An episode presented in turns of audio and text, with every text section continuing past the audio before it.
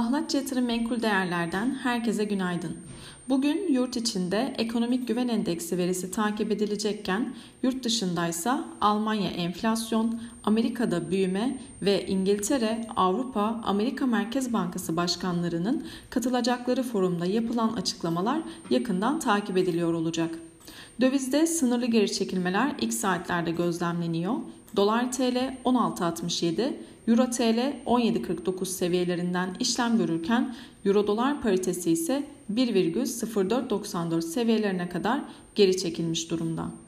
Küresel ekonomik görünümün düşük büyüme trendini yansıtması piyasalardaki risk iştahını düşürücü etkiye sahip. Dün Amerika'da artan enflasyonist baskıların da etkisiyle tüketici güveni endeksi 103,2 seviyelerinden 98,7 seviyelerine kadar geriledi ve Şubat 2021'den bu yana en düşük seviyelere inmiş oldu. Verideki sert düşüş yılın ikinci yarısında daha zayıf büyüme verisinin yanı sıra yıl sonuna kadar da durgunluk riskinin artacağına işaret etmekte. Diğer yandan bugün Türkiye saatleri içerisinde 15.30'da Amerika'dan büyüme rakamları takip ediliyor olacak. ABD ekonomisi yılın birinci çeyreğinde yıllıklandırılmış çeyreklik bazda %1,50 daralmıştı.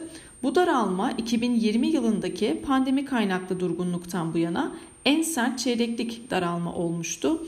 Bu yılın genelinde ise büyümenin yavaşlaması ve geçtiğimiz seneye göre ılımlı seyretmesi beklenmekte.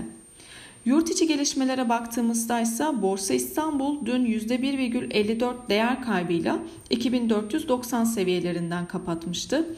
Kısa vadeli ortalamalarının altına sarkan endekste bugün özellikle 2460 seviyesi önemli destek olarak takip ediliyor olacak. Bu seviyenin aşağı yönlü kırılması halinde ise 2440 seviyesi yine ikinci destek noktası olarak takip edilebilir. Yukarıdaysa 2520 seviyesi ve akabinde 2550 seviyeleri ise direnç noktası olarak takip ediliyor olacak. Bugün beklenildiği gibi yurt içinde ekonomik güven endeksi verisi takip edilecek. Yurt dışındaysa Almanya'dan enflasyon, Amerika'dan büyüme rakamları takip ediliyor olacak.